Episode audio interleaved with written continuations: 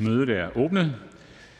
Dagsordenens punkt 6, forspørgsel til kulturministeren om historieskrivning i statslig regi, udgår dagsordenen i dag efter anmodning fra ministeren. Det første punkt på dagsordenen er spørgsmål om fremme af forspørgsel nummer F 21, forspørgsel til transportministeren om dansk luftstrategi af Henning Hyllested og Søren Eggert Enhedslisten.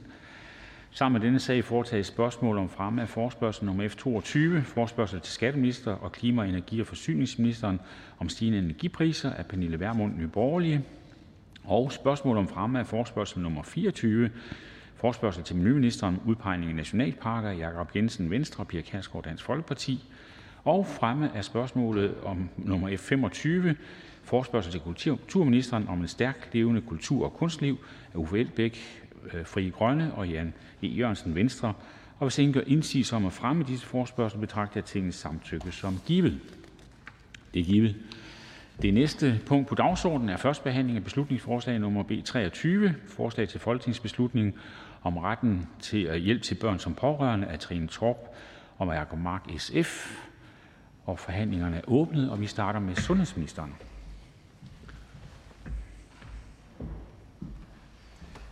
Tak for det. Ja, vi starter dagen med at behandle et øh, beslutningsforslag øh, stillet af øh, øh medlemmer af SF.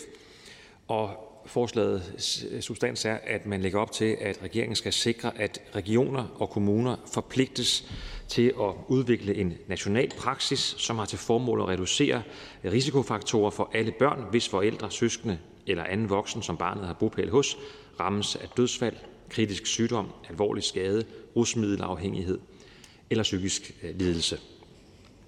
Og man siger, det er jo helt afgørende, de her børn, vi, vi taler om her, alle de børn, det er helt afgørende, de får den rette hjælp til at takle de bekymringer øh, og de helt reelle udfordringer, der jo naturligt opstår i sådan en, en svær øh, livssituation. Derfor vil jeg sige fra starten af, at vi er fra regeringens side enige i intentionen. Der er behov for at få undersøgt og set helt meget grundigt på øh, mulighederne for, hvordan vi får styrket hjælpen til børn som pårørende. Og hvis man ser lidt på problemets omfang, så de tal, jeg har her, det er tal fra kræftens bekæmpelse, der, der har undersøgt den, den her problemstilling. En del af at det er det er jo ikke kun øh, på kræftområdet naturligvis, men det er også på kræftområdet, og tal fra Kræftens Bekæmpelse viser, at der øh, hvert år er 35.000 børn, der oplever, at deres forældre indlægges med en alvorlig kritisk sygdom, og der er 300.000 børn, der vokser op i familier med psykisk sygdom. Og derudover så er der hver dag fem børn, som mister en af deres forældre og vi har 122.000 børn, som lever i en familie med misbrugsproblemer. Så det er et omfattende problem. Og hver eneste af de her øh, øh, skæbner, af de, de, de, her, øh, af de her børneliv, er jo øh, børneliv, som skubbes ud øh, i øh, en risiko for, øh, at, øh, at de kan vokse op med øh, meget, meget tæt på de her massive problemer, også Og, øh, med, en, med, en, øh, med, med vilkår, som er, som er meget vanskelige, og derfor skal samfundet selvfølgelig være der øh, for dem. Og vi kan simpelthen se, at øh, det siger jo sig selv, men vi kan faktisk også se af datamaterialet, at øh, alle de her børn, de er i forhøjet risiko for at droppe ud af uddannelsen. De er også i forhøjet øh, risiko for at udvikle et misbrug selv. De er også i forhøjet risiko for depression og at opleve social isolation og opleve ensomhed. Og alle de ting kan jo skabe nye øh, problemer øh, for dem. Så det er, vil jeg sige, de her risikofaktorer, de taler deres tydelige sprog. Det er samfundets opgave at gribe de børn, der har brug for hjælp og støtte, og der er mange af dem, som tallene jo helt klart siger. Det er også afgørende, at den hjælp, der tilbydes, skal jo tilrettelægges mest hensigtsmæssigt og som en helhedsorienteret indsats, som ser på hver enkelt barns behov. Helt og der skal vi altså være langt bedre til at gøre os uafhængige af det, de sektorgrænser, øh, som vi kan se øh, i dag. Opgaverne skal løses der, hvor behovet er, og hvor det giver mest værdi for det enkelte barn. Øh, Øh, og derfor så øh, er, det, er det også et opgave, hvor udover det rent faglige, øh, så skal vi også have et overblik over øh, de økonomiske konsekvenser, øh, og så se, hvad har vi vores ambitioner, hvordan kan vi øh, få afstemt dem i forhold til mulig finansiering. Børn som pårørende, det er jo ikke en ny dagsorden, det er jo en dagsorden, som man har arbejdet på også før, øh, før, før jeg kom ind i ministerkontorerne, og før øh, den nuværende ordfører blev ordfører. Øh, og, og der er, foregår et øh, grundigt og fagligt flot øh, arbejde, men der er også behov for at styrke indsatsen. Men jeg vil her indledningsvis sige lidt om, hvilke bestemmelser og hvilke indsatser vi har i dag på sundhedsområdet på det her område. Hvis man tager tiden tilbage 10 år tilbage til 2012, der offentliggjorde Sundhedsstyrelsen anbefalinger for sundhedspersoners møde med pårørende til alvorligt syge. Og de anbefalinger indeholder anvisninger til, hvordan sundhedspersoner skal identificere pårørendes behov for støtte og inddragelse i løbet af et patientforløb. Og der er altså et fokus i de anbefalinger på børn som pårørende og deres behov for støtte ved alvorlig sygdom eller dødsfald hos en forælder eller søskende.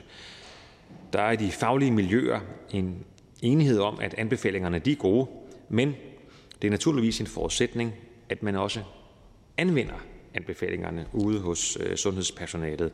Så aktuelt har vi derudover en række bestemmelser i sundhedsloven om personers ret til tilskud til psykologbehandling i praksissektoren. Der gælder blandt andet en ret til tilskud til psykologbehandling, hvis man er pårørende til alvorlige psykisk syge personer, personer ramt af invaliderende sygdom eller dødsfald. Derudover har vi øh, jo i gang sat øh, vores arbejde med en 10-årsplan for psykiatrien, hvor vi jo i dag kunne øh, stå op til, øh, at morgenaviser og morgenradioaviser var fyldt, fuldt af det faglige, den faglige diskussion, som allerede nu er startet, for nu er det faglige oplæg øh, præsenteret, og den debat ser jeg meget, meget frem til, men øh, det gælder jo også øh, i den debat, der er jo også øh, indsats og debat, hvis man er pårørende til alvorligt psykisk syge øh, personer, personer ramt af invaliderende sygdom eller dødsfald.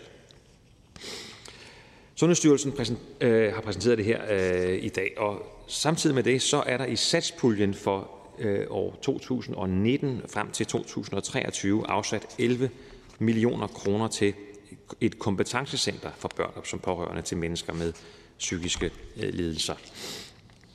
Og derudover så har vi i øh, regeringen sammen med øh, SF, Radikale Venstre, Enhedslisten, Alternativet og Kristendemokraterne i forbindelse med den seneste finanslov afsat 5 millioner kroner årligt fra 2023 til 25 til børn som pårørende til forældre med alvorlig psykisk eller somatisk sygdom og, for, og til børn med øh, vold i familien. Og det er penge, vi sammen skal aftale, hvordan de bedst kommer til gavn for den her øh, målgruppe. Så det er noget af det nationale, der er sket, og noget af det, som, som altså sker fortsat. Også i vores øh, regioner, så er der løbende fokus på, på arbejdet med børn som pårørende. Øh, hvis man skruer tid tilbage til 2019, der præsenterede Danske Regioner deres udspil Sundhed for alle børn og unge, og et af udspillets initiativer var netop en mere systematisk indsats til børn som pårørende.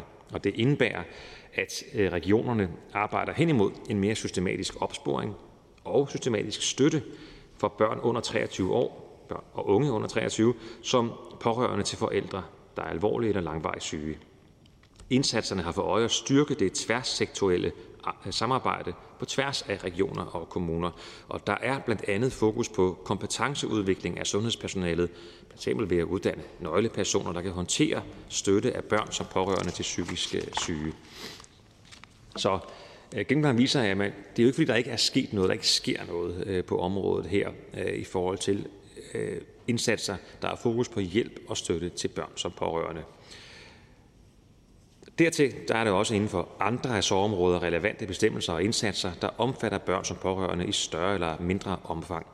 Social- og ældreministeriet har oplyst til os op til den her øh, diskussion, at børn som pårørende er omfattet af bestemmelser i serviceloven, og det gælder eksempelvis, at offentlige ansatte det har en pligt til at underrette Øh, Øh, de kommunale myndigheder, hvis de under deres arbejde får kendskab eller grund til at tro, at et barn kan have behov for særlig støtte.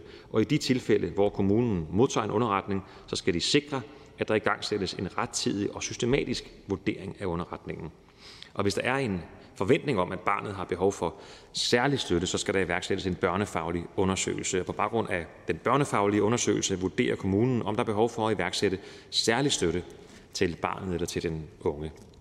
Og hvad kan det være? Jamen det kan for eksempel, altså den særlige støtte kan for eksempel være støtte i form af familiebehandling eller behandling af barnet øh, eller den unges problemer. Det kan være en fast kontaktperson, der kan støtte barnet eller den unge. Det kan også være psykologhjælp.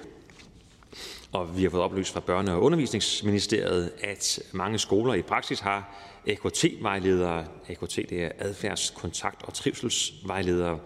De er også andre vejledere, der kan støtte børn som pårørende når der er øh, behov øh, derfor. Og så har vi også PPR, pædagogisk psykologisk rådgivning, der kan inddrages i arbejdet med at støtte elever øh, i mistrivsel. Så vi kan konstatere, øh, hvis man laver sådan et, et, et overflyvning af det område, at, at børn som pårørende, der, de er omfattet af, af flere forskellige ressortområder, social, sundheds, børne, undervisningsområde, øh, blandt andet på tværs af den kommunale og regionale sektor, og indsatser også i kommuner, regioner og fra, fra statens side. Ifølge Sundhedsstyrelsens anbefalinger så er det vigtigt, at der er netop et godt samarbejde på tværs af de her sektorer for at sikre god sammenhæng og høj behandlingskvalitet i den hjælp, vi kan tilbyde. Som jeg startede med at nævne, så anerkender vi fra regeringens side den her intention, der er om at undersøge mulighederne for at styrke hjælpen til børn som pårørende. Før vi fremsætter en eventuel lovgivning, der er det øh, vores øh, vurdering, at der er behov for, at vi altså hæver blikket. Nu har jeg gennemgået sådan i, i, i sådan en overflyvning, øh, hvad indsatser der er, men altså vi er nødt til at have en mere øh, grundig afdækning af den samlede indsats og de bestemmelser, der gælder på tværs af ressortområder. Først og fremmest ved at afdække problemet nærmere, så kan vi målrette løsningerne, så de kommer de pårørende børn til gode. Og det er afgørende, at de berørte børn mødes af en helhedsorienteret indsats, der tager afsæt i børnenes behov, som ikke er begrænset af sektorområders afgrænsning. Så børnene møder et system, der er der for dem, der hænger sammen for dem. Der kan også være økonomiske konsekvenser ved sådan et forslag her. Det er vi selvfølgelig også nødt til øh, at belyse. Det er klart, vi kan jo ikke udskrive dækningsløse checks, så det, det er klart, øh, der er ikke afsat varig finansiering til det her forslag, og skulle det øh, betyde, at der skulle findes finansiering, så er det jo en fælles opgave at finde det. På, baggrund, på den baggrund der foreslår regeringen, at der nedsættes en arbejdsgruppe. Det er en arbejdsgruppe, vi foreslår skal arbejde hurtigt.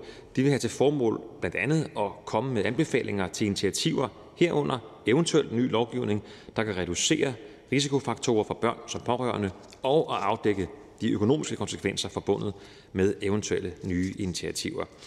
Og vi foreslår, at det er en bred arbejdsgruppe, og vi foreslår, at den arbejdsgruppe nedsættes blandt andet med repræsentanter fra selvfølgelig øh, ministerierne, men også fra Danske Regioner og KL og andre relevante organisationer. Og jeg vil meget gerne høre, enten her eller efterfølgende i udvalgsarbejdet, hvis der er opbakning til det, input til, hvilke relevante organisationer der kunne være med i sådan et hurtigt arbejdende øh, øh, øh, øh arbejdsgruppe arbejde.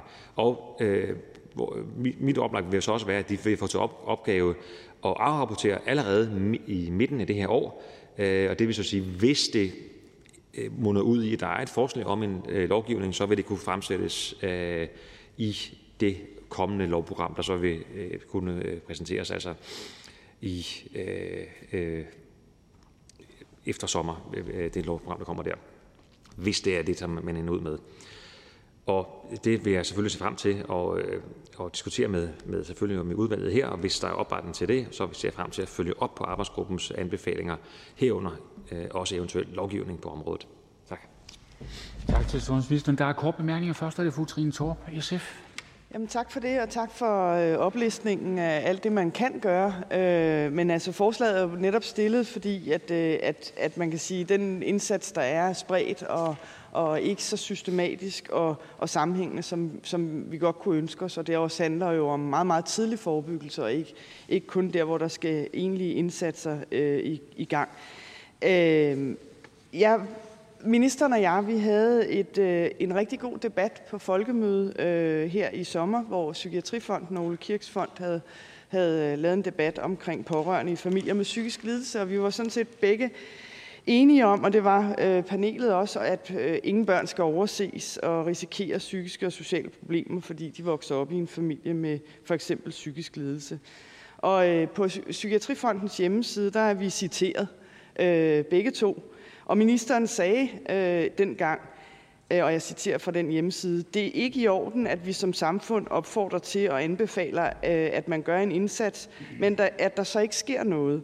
Nu må vi som samfund træde længere frem og få det til at ske. Citat slut. Mener ministeren stadig det? Minister, Ja, det mener jeg 100 procent. Og, øh, og altså jeg, jeg, jeg, jeg vil også sige tak til SF for at bringe det her op, og alle de andre interessenter og partier, som bringer det her øh, emne løbende op. For mig at se er øh, analysen den, øh, at vi har nu i 10 år haft nogle meget fornuftige og meget gode øh, retningslinjer fra Sundhedsstyrelsen, altså faglige øh, retningslinjer. Vi har sektorer, som prøver at komme med, komme med initiativer og prøver at komme det her øh, i møde, men der er altså øh, for stor risiko for, at de her, og det er jo rigtig mange øh, børn og unge, vi taler om, jeg nævnte selv tallene i min tale her, der er, at der er for stor risiko for, at det, de mødes med, er for fragmenteret, for tilfældigt, for lidt sammenhængende. Og det er derfor, jeg foreslår, at vi, øh, at vi får lavet sådan en, øh, en arbejdsgruppe, som i løbet af de næste, øh, de næste få måneder får analyseret det her og nået frem til, hvad er det så konkret, vi skal gøre for at samle indsatserne bedre. Trine skal jeg forstå det sådan, så at, at det ministeren sagde i sommeren om at træde længere frem, det, er, det betyder så, at, øh, at det at lave en afdækning, det er at træde længere frem for de her børn? Øh, det er det ene spørgsmål. Det andet øh, spørgsmål er, at ministeren sagde også dengang, vi er hammerne ringe til forebyggelse. Det er vanvittigt, hvad vi bruger af summer på at reparere på noget, vi kan forebygge. Så du skal ikke spørge, hvad det koster, men hvad vi sparer. Vil det også være en del af de udregninger, som, øh, som sådan en afdækning skal lave, det er, hvad, hvad, det sparer, hvad vi sparer ved at øh, give de her børn den rette indsats? Minister? Øh, ja, altså når jeg foreslår, at afdækningen skal selvfølgelig handle om øh, indsatsen, det rent, men det må også handle om øh, øh, det økonomiske i det. Det er vi nødt til også, det, det, det er vi nødt til at have også jo. Øh, og hvis det koster varig finansiering, så må vi jo drøfte det med hinanden, hvordan vi så får finansieret det. Men jo også, øh, hvis der er noget, hvor man siger, at en hurtig indsats kan, kan, kan give et bedre liv til den enkelte, men jo også spare noget øh, senere hen for, for samfundet, jamen det mener jeg bør høre med i den politiske diskussion, vi skal have. Så er det fru Jane Heitmann, Venstre. Tak for det. Det er jo ikke nogen hemmelighed, at vi i Venstre har været optaget af lige præcis den her problemstilling i mange år efterhånden, og jeg kan næsten ikke forestille mig noget værre i et barn- eller et ungdomsliv, hvis ens mor og far lige pludselig bliver alvorligt syg eller dør, og ens ankerperson bliver revet væk fra en. Jeg kan faktisk næsten ikke forestille mig noget værre. Og derfor er jeg sådan set også glad for at høre øh, ministerens tale, vil jeg gerne kvittere for, at jeg kan høre, at regeringen øh, hvad skal man sige, er på linje i forhold til bekymringen for, øh, for de tusindvis af børn og unge, som det drejer sig om. I et svar til Folketinget der, sagde minister, der skriver ministeren den 4. 11. 2021, at problemstillingen her vil blive adresseret i regeringens kommende 10-årsplan for psykiatrien. Og nu har vi jo i dag set det faglige oplæg fra Sundhedsstyrelsen, 37 anbefalinger, det fortjener stor ros. Men det store spørgsmål og det springende punkt er jo her, hvornår ligger regeringen deres forslag til en kommende psykiatriplan frem? Minister? Jeg mener, det her hører med i, i, øh, i indsatsen for at styrke psykiatrien, og noget af det, som øh, og en 10-årsplan for psykiatrien, og noget af det, som Sundhedsstyrelsen jo helt klart, altså en af de to øh, brændende platforme, Sundhedsstyrelsen og Socialstyrelsen i deres oplæg har lagt frem til os politikere og til offentligheden i dag, jamen det er jo netop, en af, de, en af dem er jo netop indsats, en tidlig indsats for Øh, børn og unge, som kan være udsatte af den ene eller anden årsag. Og her har vi børn og unge, som netop er udsatte af en klar, øh, øh, klar årsag, som, som man endda rimelig hurtigt og nemt kan identificere. Øh, så øh, så, jeg, så, så øh, jeg, jeg, jeg tolker Sundhedsstyrelsen og Socialstyrelsen som en øh, så oplæg som øh, meget, meget klar øh, anbefaling og klar øh, klare øh, beskrivelse af initiativer, der netop også kan komme den her øh, gruppe øh, til gavn. Og det ser jeg frem til at drøfte med partierne. Jane Heitmann. Ja, men ministeren svarer jo ikke på det, jeg spørger om. Jeg spørger jo om det, som ministeren selv har skrevet i et svar fra den 4. november 2021, netop af problemstillingen her, og jeg citerer, vil blive adresseret i regeringens kommende 10-årsplan for psykiatrien. Og nu har vi det faglige oplæg, så derfor så er det jo helt legitimt at spørge regeringen, hvornår kommer regeringen med deres udspil til en kommende 10-årsplan for psykiatrien? Fordi det er jo blandt andet i den plan, og det er jeg glad for, at regeringen her tilkendegiver, at vi jo også skal håndtere de her svære, men meget vigtige problemstillinger for vores børn og unge. Minister? Ja, vi vil forsøge at, at time øh, de politiske forhandlinger så godt vi overhovedet kan. Nu skal vi lige afhænge af, hvis Folketinget er enige med os og have det her hurtigarbejdende udvalg, så skal vi lige time, øh, og hvis de kommer med noget, så skal vi lige time vores psykiatriplan også i forhold til det. Det er jo et vigtigt hjørne, men ikke det eneste hjørne, ikke det eneste punkt, der vil være i en øh, 10-årsplan for psykiatrien, og det må vi så øh, få timet. Øh, jeg har ikke lagt mig fast på præcis, øh, hvornår. Nu har vi modtaget det her. Vi, det er offentliggjort i dag, og der er en række møder med Sundhedsstyrelsen og Socialstyrelsen. Dem ser jeg frem til. Så først og fremmest er det det faglige arbejde, som vi vil sikre bliver bredt funderet. Jens Rode, KD. nu er jeg jo fodboldfan, og jeg så her øh, forleden, eller for ikke så lang tid siden, så jeg Liverpool spille en fodboldkamp, hvor Diogo Jota dribler sig helt fri. Han står ved målfeltet, og der er en markspiller ind i målet. Og så knaller han til bolden, og så ryger den ud. Manden brænder en fuldstændig, måske en af Premier Leagues største oplagte chancer i, øh, i dette år, måske i dette år 1000. Jeg er sikker på, at formanden også så den kamp. Øh, og sådan har jeg det næsten lidt med den. Det, når, når, når, når nu ministeren står her med måske et af de vigtigste og bedste beslutningsforslag, der er lavet i denne folketingssamling i hvert fald, så tager jeg ikke munden for fuld. Hvorfor tager regeringen så ikke bare imod det med kysshånd, og så sparker den bold i mål? Fordi det er så oplagt, og det er jo afdækket, og det er jo tydeligt, at patientforeningerne i kræftens bekæmpelse kæmper og kæmper og kæmper ude i kommunerne, og der sker for lidt. Minister? Ja, jeg, jeg, jeg vil sige, selve, altså jeg er helt enig i, at, at vi har et vi har en udfordring, vi har et problem. Jeg er også enig i, at, vi, at det er ikke fordi, vi mangler faglighed eller faglige anbefalinger, for de findes, men det er Øh, sammenhængen. Og udfordringen ved det her øh, beslutningsforslag, som jeg synes også er godt og rigtig gode intentioner, det er jo, at det pålægger os øh, at have en lovgivning. Vi er jo nødt til at vide præcis, øh, hvordan skal den lovgivning så strække sammen? Skal, er der behov? Er det det, der er det rigtige? Øh, fordi erfaringen herindefra er jo også en gang imellem, hvis man skal nu være sådan lidt ærlig her, det skal man jo være fra Folketingets talerstol. Nogle gange så haster man fra Folketinget her, så tror vi, det er fikset med en lov. Det er ikke altid, det lige fikset med en lov. Det kan være, der er andre ting. Det kan være, det er en lov, der er på en anden måde, end vi lige kan, kan, finde, kan finde på herinde. Og det tror jeg, jeg er i hvert fald på er vigtigt, at vi får forankret det. Øh, og der foreslår vi det her. Det er et hurtigarbejdende udvalg. Og hvis de kommer op med en idé om en lov, øh, jamen så lad os tage drøftelser omkring det. Så vil vi selvfølgelig være klar til at følge op på det. Jens Rode. Men de erfaringer har vi jo allerede, minister. Vi har dem fra Norge. Vi har dem fra Sverige. Hvad det betyder for det systematiseret.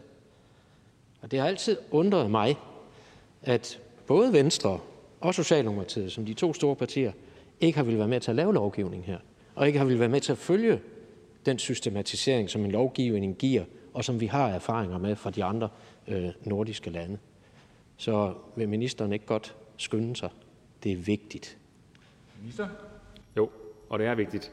Og jeg, jeg, har også, jeg hørte faktisk også, nu skal jeg ikke lægge ord i munden på Venstre, men jeg hørte også, at de også adresserede, hvor vigtigt det var for, for, for Venstre. Det er det også for, i hvert fald for Socialdemokratiet, og jeg hører, det er også min drøftelse med ordførerne om de her emner. Øh, det er vigtigt for alle partierne, så der er ikke meget partipolitik i det. Men der skal selvfølgelig være en sundhedsfaglighed i det, og, øh, og det, vores forslag er en hurtigarbejdende. Vi foreslår, at, de, de, at det udvalg med de interessenter, som Folketinget nu foreslår skal med, øh, og vi kan blive enige om det, jamen at de skal afrapportere allerede til sommer, så vi kan nå at få det på lovprogrammet, hvis det er det, der bliver anbefalingen. Christine Thorholm, Radikale Venstre. Ja, lovgivning er vigtig, og vi er nødt til at få det afdækket. Men jeg bliver bekymret, når ministeren taler ind i, at PPR og indsatsen i folkeskolen AKT skulle kunne dække behovet. Fordi det er jo netop en særlig faglighed i forhold til børns og unges sorg, øh, når de mister eller har en svær sygdom øh, i familien. Og vi ved jo, at ofte har de ikke den faglighed i i kommunerne. Så hvad er det, ministeren tænker på, når han siger det? Fordi jeg tænker, at det på ingen måde lever op til det behov, øh, de børn har for at få en forebyggende indsats. Og dermed mener jeg også, at vi giver krav på, at der bliver noget nationale kvalitetsplaner, som både taler i en forebyggende og den behandlende indsats, så, så de får krav på noget, og ikke en mere tilfældig indsats øh, fra en AKT-medarbejder, som ikke ved noget om sorg og de her problemstillinger. Minister? Ja, men, men det er jo en af de problemstillinger, problemstillinger der er. Øh, og en af, det, som, en af de opfølgninger, der jo er sket, øh, det er, at man har forsøgt at uddanne nøglemedarbejdere præcis med de her særlige kompetencer, som man skal have.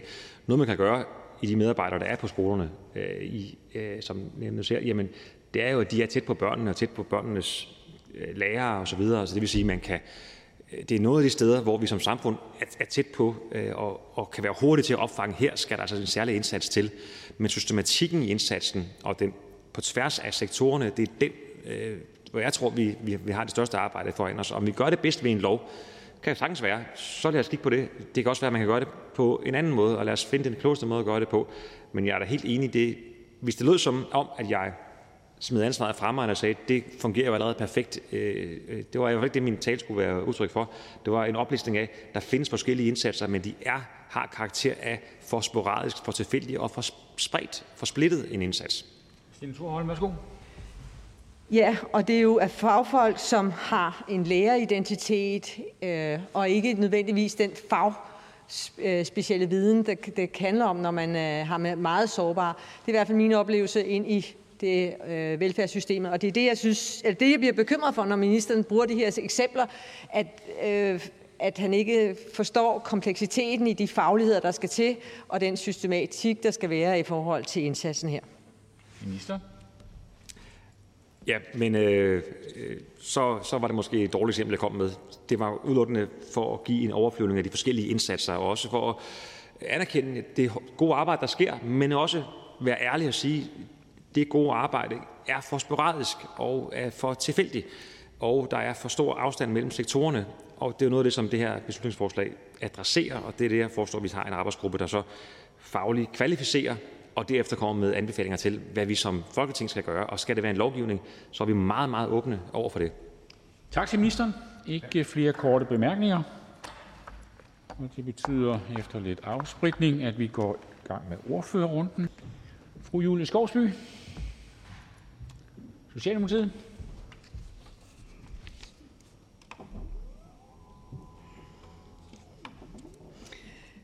Tak til SF for at rejse et meget vigtigt emne. Hvordan vi som samfund sikrer bedre hjælp til børn som pårørende. Det kan eksempelvis være børn i familier, der er ramt af et dødsfald, alvorlig psykisk eller fysisk sygdom eller misbrugsproblemer. Det er for mig og Socialdemokratiet ingen tvivl om, at de børn skal have hjælp. Børnene står i en meget sårbar situation og risikerer alvorlig mistrivelse. En mistrivsel, som risikerer at sætte sig varige spor resten af livet, som kan påvirke både relationer til andre og muligheden for eksempelvis at gennemføre en uddannelse. Derfor er vi også helt enige i de intentioner, der ligger bag forslaget. Vi skal gøre det bedre og sikre, at alle børn får den nødvendige hjælp. Det må ikke afhænge af din bopæl, om du får den hjælp, du har behov for. Jeg har fra mit eget arbejde på, psykiatri, på psykiatriområdet desværre også hørt fortællinger om, hvordan børn stod uden professionel hjælp når mor eller far blev indlagt. Her har vi fokus på at sikre hjælp til den, der bliver indlagt.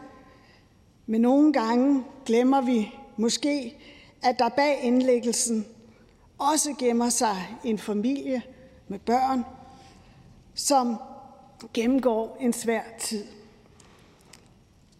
Jeg husker blandt andet en meget stærk fortælling fra Jonas. En ung mand, som deltog på vores høring i Sundhedsudvalget i efteråret.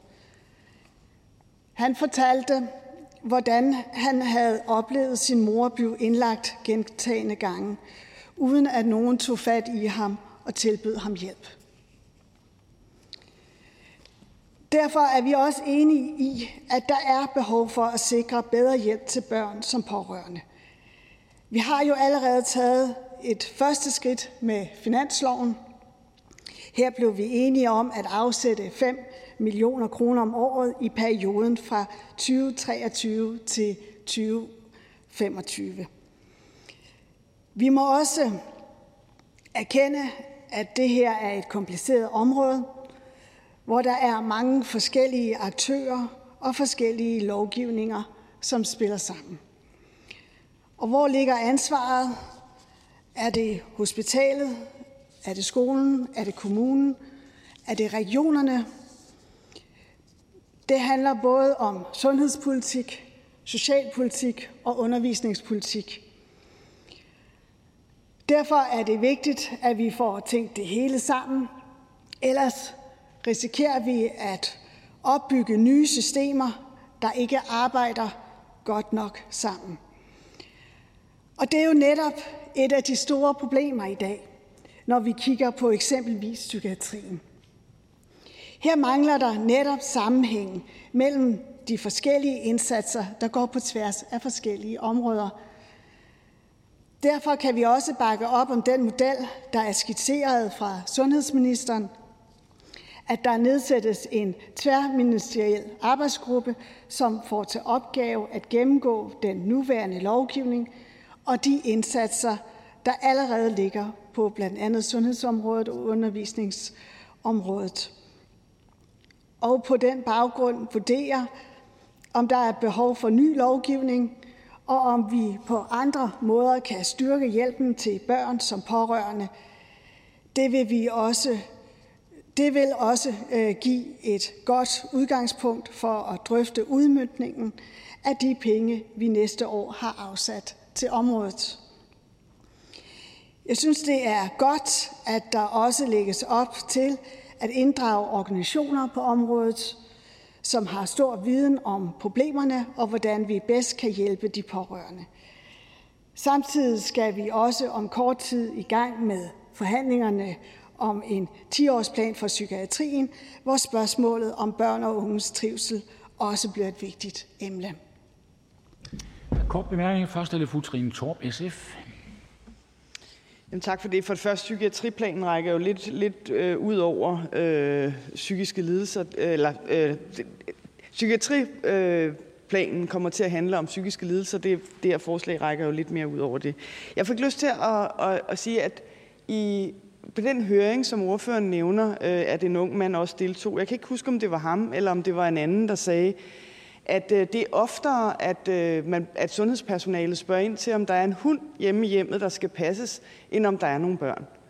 Og, øh, og derfor, det her forslag handler jo ikke kun om indsatser, der skal sættes, øh, sættes i gang, og, og hjælp og helhedsorienterede indsatser til familien. Det handler også om overhovedet at opdage, at der er børn at der er en systematik i at registrere og opspore, om der er nogle børn, og så selvfølgelig have nogle muligheder for at kunne hjælpe dem, men også støtte forældrene i at tale med deres børn om den sygdom eller den psykiske lidelse, de eventuelt måtte have.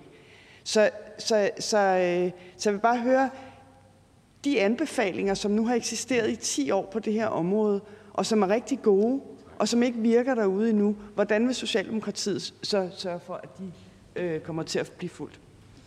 Ordfører, værsgo. Ja, tak for også at, at nævne den høring, vi havde i, uh, i efteråret i, i Sundhedsudvalget. Uh, for jeg, jeg synes som sagt også, at, at den var utrolig uh, nyttig uh, til også at, at se omfanget af, af, det her, uh, af det her problem, og også at se uh, også den kompleksitet, der, der ligger i det. Uh, og uh, og jeg deler, øh, jeg deler øh, fuldstændig øh, øh SF og ordførerens øh, synspunkt om, at, at det her øh, det er et sted, hvor, at, hvor vi skal handle, og hvor vi skal få, få afdækket også det, som der allerede ligger anbefalingerne er en af de mange ting, der allerede ligger. Hvorfor virker de ikke, som de skal i dag? Det synes jeg er meget interessant at få nærmere belyst. Jeg synes, det er glimrende at inddrage de der organisationer i at forberede et kommende lovarbejde. Forslaget her handler om, om vi vil lave nogle lovgivningsmæssige forpligtelser. Så når, når, når Socialdemokratiet er usikre på, om der overhovedet skal være lovgivning på det her område, hvad er det så, der skulle gøre, altså hvad skal overbevise øh, Socialdemokratiet i, at lovgivning er nødvendigt? Hvorfor? Jeg er ikke øh, i tvivl om, øh, at, der skal være lovgivning, fordi vi har jo lovgivning i dag, men der er øh, den, den virker ikke rigtigt. Skal det, skal det ændres? Skal det justeres? Eller er der noget i selve implementeringen af den øh, lovgivning, de anbefalinger og de mange initiativer, vi har, som ikke virker? Øh, det er det, der er meget vigtigt at få, at få øh, øh, afdækket, sådan så at vi netop kan få lovgivningen til at virke. Hr. Jens Rode, KD. Jeg er næsten ondt af fru Julie Skovsby, der prøver sådan at... Jeg, jeg, jeg kan næsten mærke, at fru Skovsby egentlig bare synes, at ja, selvfølgelig bør man stemme ja til det her. Men det er sådan, jeg kan godt huske det engang, jeg var politisk ordfører for et stort parti, der havde regeringsmagten, og så når andre kom med et beslutningsforslag, så synes de, det, det er jo mega godt. Hvorfor stemmer vi ikke for det? Nu, det gør man bare ikke. Og det synes jeg måske er sådan lidt en Christiansborg-kultur, vi godt kunne til at komme lidt, øh, vi godt kunne komme til at komme lidt øh, ud over. Fordi sandheden, fru Skorsby, er jo, at der i dag er kæmpe stor forskelle på, hvor man bor, og om der bliver gjort noget ved det. Og sandheden er, at vi har diskuteret det her så længe politisk, og kigget på de anbefalinger så længe politisk, og vi har set erfaringerne fra andre lande om, hvordan det virker at vi komplicerer det unødigt. Og det er min oplevelse, at fru Skovsby komplicerer det her unødigt og bruger det som argument til, at der ikke skal handles her nu efter 10 år med anbefalinger. Ordfører, værsgo. Jeg synes ikke, at, øh, at jeg komplicerer det unødigt. Uh, fordi jeg, jeg, jeg synes, at det, det, det, det mener jeg egentlig også, at, at, at os fra, fra Sundhedsudvalget, som, øh, deltog i, i efterårets høring, at, at, vi, øh, at vi fik et indtryk af, at det er et kompliceret område. At der er utrolig mange instanser, der skal øh, spille sammen. Og at, at det i dag er for tilfældigt, om man får den hjælp, man har brug for. Der er mange initiativer, der er mange sektorer, der er mange øh, ministerier, der er inde over, men det bliver ikke, øh, der mangler øh, på samspillet, øh, og, øh, og derfor er det helt rigtigt, at der bliver nedsat en tværministeriel øh, arbejdsgruppe, og at den her arbejdsgruppe får hurtigt afdækket, hvorfor er det, at det ikke virker, som det skal i dag? Hvorfor er det, at de her børn ikke får den hjælp, som de har behov for? Her Jens Rode. Jamen det er jo fordi, de anbefalinger, som vi jo kender alt for godt, de ikke er lov. Og dermed er det ikke systematiseret. Og når det ikke er systematiseret, så er der for meget, der ender mellem de forskellige stole, sådan som fru Skovsby jo sådan set også ganske rigtigt øh, beskriver. Og det er jo det, SF's glimrende forslag her jo prøver at tage hånd om. Det er jo faktisk at lave en lovgivning og tage fat på ting, vi godt ved skal til, for at vi får det her til at virke. Så kom nu øh, i gang og spark den bold i mål. Hvorfor? Jeg synes, at Jens Rode han, øh, skal lige genhøre, øh, hvad ministeren øh, øh, sagde i forhold til den overflyvning, i forhold til, hvad der allerede er. Og, øh, og det mener jeg, at, at man skal gøre for at øh, netop at, at se på, at det er jo ikke kun de her anbefalinger, øh, det handler om. Var det nu bare det, så, så, så var det jo nemt at gå til. Men det er jo alle de andre områder, det også handler om. Det handler også om skolen, det handler også om hjemmet.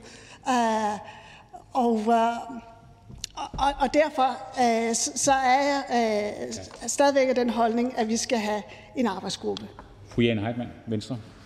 Ja, tak for det, og også tak til ordføreren øh, for talen. Mere end 330.000 børn og unge mellem 17, 0 og 17 år, de har mindst en forælder, som har en psykisk lidelse. Mange af dem lever en umådelig kummerlig tilværelse, fordi de ikke bliver taget ordentlig hånd om, de bliver ikke hørt, de bliver ikke set, øh, og mange af dem, det ved vi jo, de vil selv øh, få en psykiatrisk diagnose i voksenlivet. Så der er i den grad brug for indsatser. Jeg vil godt tilkendegive allerede her, før jeg skal holde min ordførertale, at vi sådan set fra Venstre side ikke afvisende over for øh, en arbejdsgruppe. Det kan give god mening. Men sådan en arbejdsgruppe, det må jo ikke blive en syltekrukke. Og det er heller ikke nogen hemmelighed, at forud for debatten her, der har jeg jo været i dialog med adskillige ordfører, også den socialdemokratiske ordfører, og har overfor ordføreren understreget, at for os i Venstre, der er det helt afgørende, at hvis det er det spor, man skal bevæge sig ned af, så skal sådan en arbejdsgruppe være hurtigt arbejdende, og den skal afrapportere inden sommerferien til udvalget. Kan Socialdemokraterne bakke det op? Ordfører? Jeg er meget enig i, at der er behov for, at det er en hurtigt øh, arbejdende øh, arbejdsgruppe, øh, som, som, som, som allerede inden næste samling kan, kan være færdig med sit arbejde og aflevere det til os, sådan så at, at vi netop kan, øh, kan, kan få øh, øh, deres faglige input, og så Øh, se på, er der behov for lovgivning? Har vi allerede lovgivning, øh, som, som kan komme til at virke, hvis det bliver implementeret anderledes? Er der noget, øh, der kan justeres? Øh, hvad er det, at der er behov for at tiltage? Så, øh, så det, at, øh, at vi allerede i, i næste samling kunne få, få lovgivning på plads, det, det vil jeg synes ville være godt. Ja. Ja, Ja, jeg tror bare, jeg vil begrænse mig til at sige tak for den tilkendegivelse. Det var jo ikke sådan øh, svar på mit øh, spørgsmål, men jeg hører, at, øh, Socialdemokraterne er indstillet på, at der skal ske noget. Det vil jeg bare tilkendegive. Det er vi også fra Venstre side. Vi er utålmodige, især fordi de midler, der er afsat til kompetencecenteret, de udløber øh, her i 2022. Så der er brug for, at vi får gjort noget. Det undrer mig faktisk bare, at Socialdemokraterne ikke siger, ja, lad os da få sat ild under den arbejdsgruppe. Lad os komme ud over stepperne, så vi kører klar i 2023. Hvorfor? Ja, altså, jeg vil også øh, gerne sige tak for, for, øh, for den øh, dialog, og, og jeg, jeg bliver rigtig glad for, øh, når jeg hører ordfører tage ordet og, og bakke den her dagsorden op, og gerne ville øh, så hurtigt som muligt, øh, at, øh, at vi får fremmet øh, de her, øh, øh, den her dagsorden. Um, ja, nu tror jeg, jeg vil stoppe, og så skal jeg vist overlade ordet til, til Jane. Tak til fru Jules Skydelskovsby. Der er ikke flere korte bemærkninger.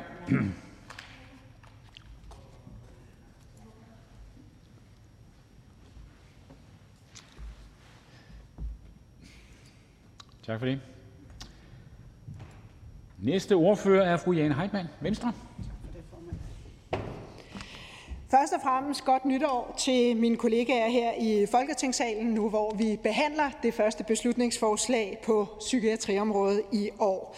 Og også tak til Socialistisk Folkeparti for at rejse en umådelig vigtig problemstilling, nemlig hvordan vi sikrer bedre hjælp og omsorg til de børn og unge, som oplever, at mor eller far indlægges enten med alvorlig fysisk eller psykisk sygdom, dør alt for tidligt eller rammes af misbrugsproblemer. De tusindvis af børn og unge de har brug for at blive set og hørt, også selvom at vi jo sjældent hører deres stemme. Og det er jo fuldt forståeligt, for hvem skulle have overskud til, når familiens trygge ramme, ofte fra den ene dag til den anden, jo sprænges i tusind stykker, og livet falder fra hinanden, når mor eller far går bort eller indlægges med alvorlig sygdom.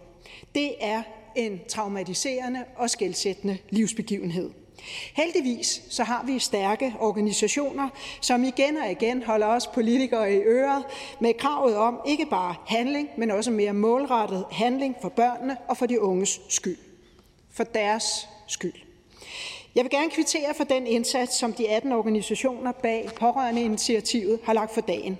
Det er stærkt, når blandt andet Lungeforeningen, Ulykkespatientforeningen, Skleroseforeningen og Landsforeningen mod selvskade og spiseforstyrrelser i en fælles skrivelse til os psykiatriordfører påpeger, at de anbefalinger, som Sundhedsstyrelsen har for indsatsen for børn og unge som pårørende, langt fra efterleves i virkelighedens verden på hospitalsafdelingerne. Og ja, faktisk så står det så slemt til, at tre ud af fire hospitalsledere i en undersøgelse angiver, at de slet ikke kender til anbefalingerne. Her er plads til forbedringer.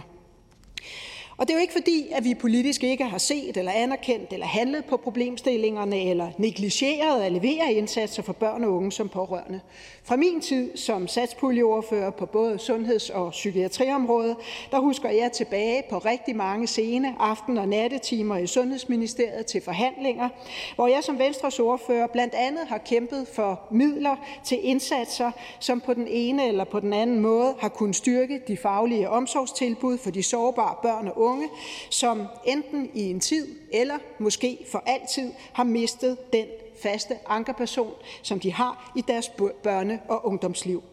Vi ved, at man i både Sverige og Norge og Finland har indført lovgivning på området, og jeg vil ikke afvise, at det også er den sti, vi skal bevæge os ned af i Danmark.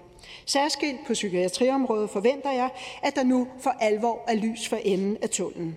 I et svar til Folketinget den 4. november 2021 skriver sundhedsminister Magnus Heunicke nemlig følgende om en rapport fra blandt andet Psykiatrifonden om børn som pårørende til forældre med psykisk sygdom. Og jeg citerer. Jeg kan ikke understrege nok, hvor afgørende det er, at vi kommer hele vejen rundt om psykiatrien. Det inkluderer selv sagt også børn, som er pårørende til forældre med psykisk sygdom.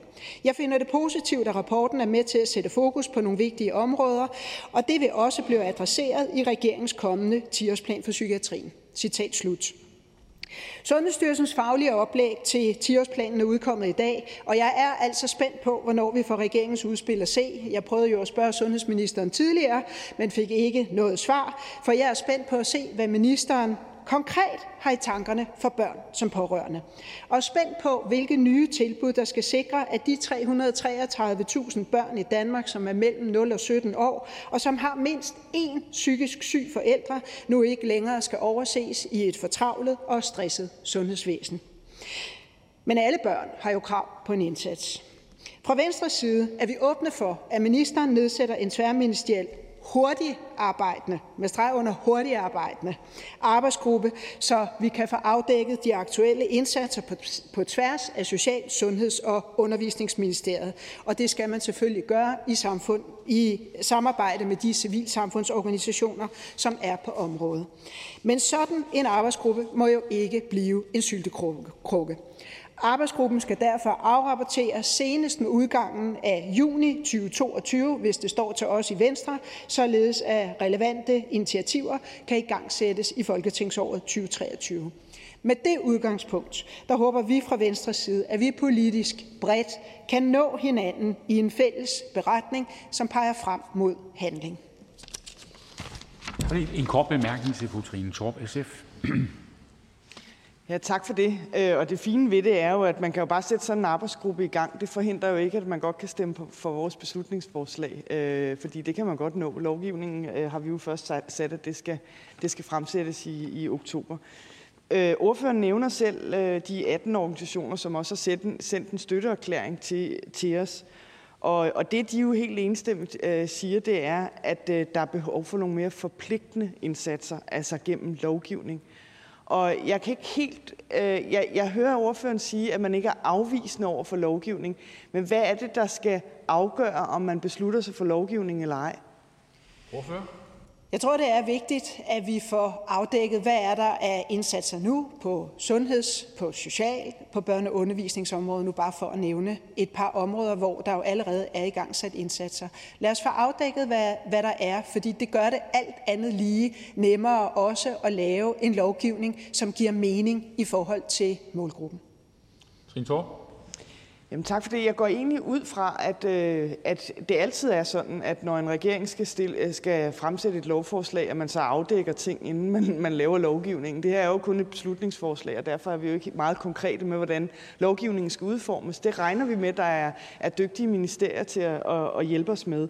Øh, og, og, og for min skyld, øh, jeg synes, det er glimrende at lave sådan en, en, en arbejdsgruppe. Det, der er mit spørgsmål, det er, hvad er det, der skal afgøre, om man vil lave nogle lovgivningsmæssige forpligtelser øh, og fremsætte et lovforslag i efteråret?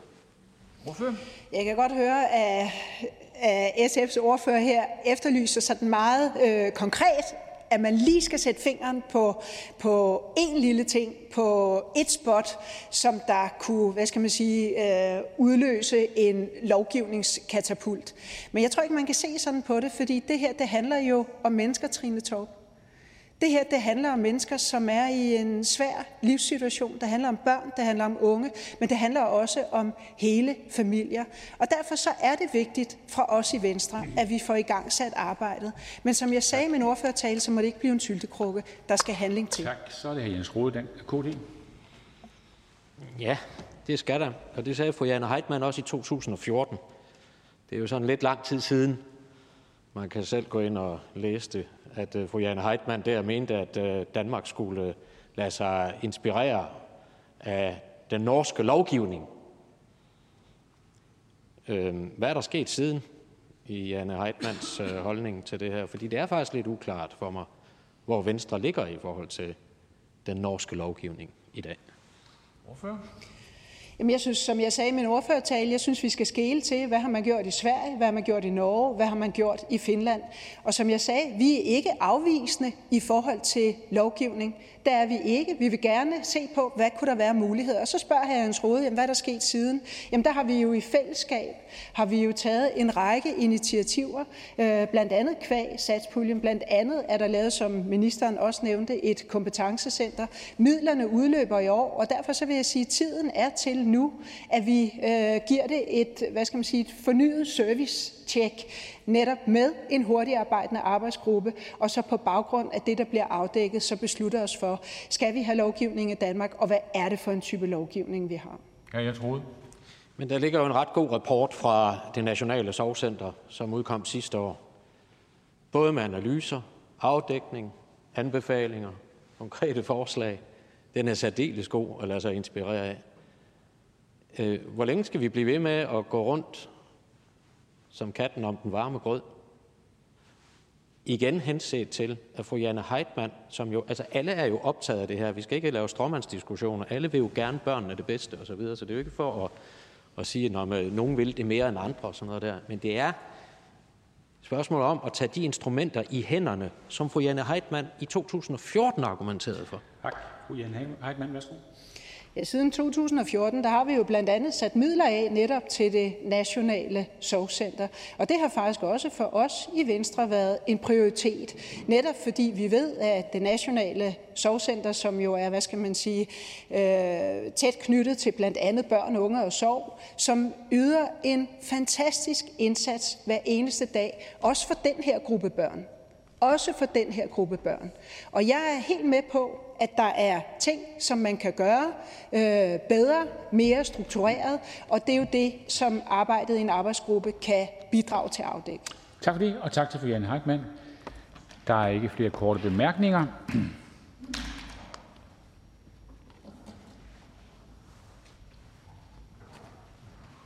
Tak skal du have. Så er det fru Liselott Blikst. Blikst. Dansk Folkeparti.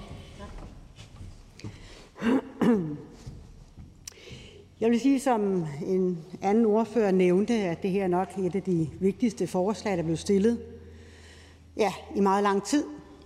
Og jeg vil sige med det samme, øh, at øh, vi kan sagtens støtte, at der skal ske en lovgivning på det område. Så tak til SF og fru Trine Torp i at, at få det her forslag frem. Og jeg vil sige, at det er jo trist, at vi i mange år ikke har prøvet at løfte noget nedefra. Vi gør rigtig meget, når det handler om forebyggelse. Men mange af de ting, der bliver gjort, og det har været fra forskellige regeringer, det er symptombehandle, og det er lindre. Og ja, vi har også selv gjort rigtig meget for at hjælpe mange af dem, der står i en krise. Så vi har sat skub i børn, unge og sorg og i kompliceret sorg. Penge til Smilfonden, som har øh, meget syge børn. Øh, penge til børnehospice, hvor vi hjælper hele familien, også de børn, som er søskende til et kræftramt barn. Men hvorfor jeg mener, det er et af de bedste forslag, det er, at når vi hver eneste gang taler om forebyggelse, så gør vi det ved at sætte prisen op, straffe folk og håbe på, at det lykkes at ændre folk. I stedet for at se på, hvad er det, der gør, at man kommer derud, hvor man har brug for enten at bedøve sig, gøre opmærksom på sig selv, være udadreagerende, stjæle, gå i grupper, hvor man kan bruge nogle af de ting, man måske også selv er vokset op med, fordi man ikke får den hjælp, der er brug for fra starten af. Det er jo nogle af de ting, som jeg kan se, at det her forslag kan tage fat i. Ikke at det her forslag løser alle problemer med den sociale ulighed. For hvis vi skal løse den ulighed, vi ser i sundhed, og den ulighed, vi ser her, så bliver vi nødt til at gøre noget, når vi opdager problemet. Og så er det så også rigtigt, at der er nogen, hvor vi ikke opdager problemet. Og der tror jeg også, at fru Trine Torp var inde på. For hvordan finder vi nogle af de her børn og unge, som har brug for hjælp? Og der skal der et øh, meget større arbejde til, både hvor vi klæder lærere, pædagoger, sundhedsplejersker på, og ikke kun sundhedspersonale, der netop kan tage fat, når man møder dem på sygehuset. For det er ikke altid, at man er der, der man kommer. Vi ved med børn er misbrugere, så bliver skjuler man det. Man er flov, man skammer sig. Man tager ikke børn med hjem. Eller psykisk syge.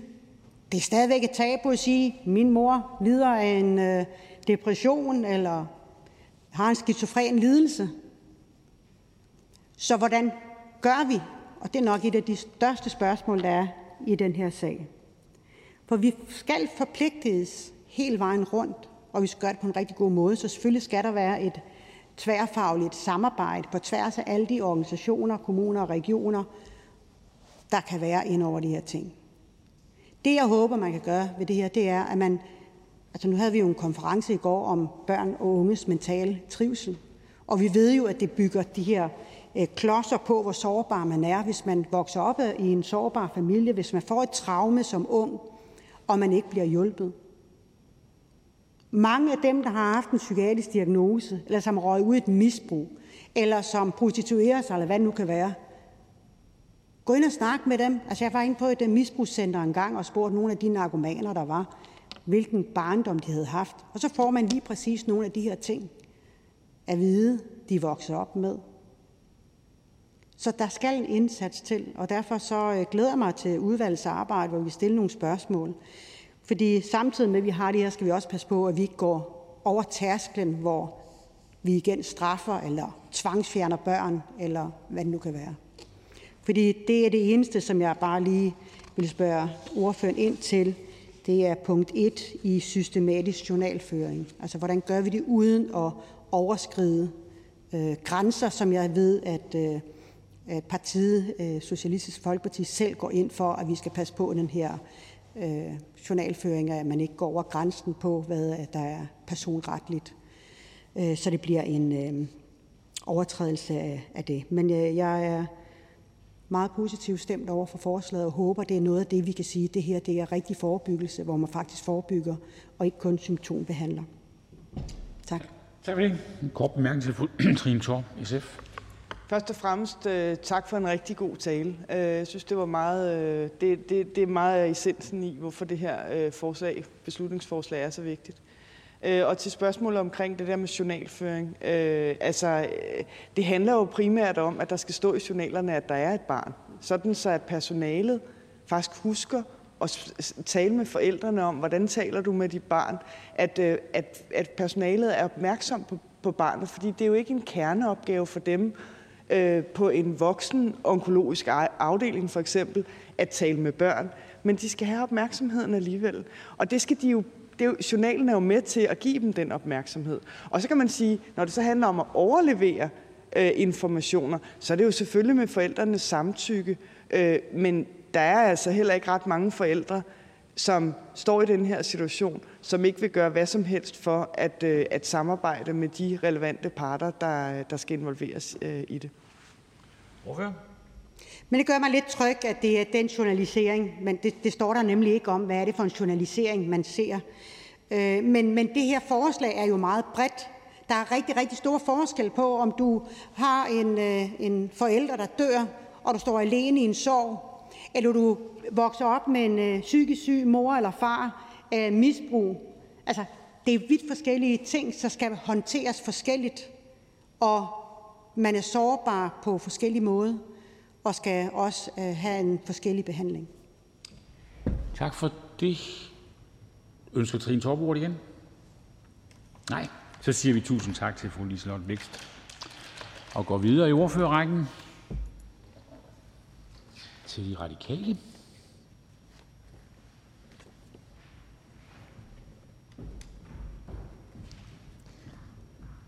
Det er fordi, at forslagstilleren forslagsstilleren får ord til sidst, øh, når det er den type ting.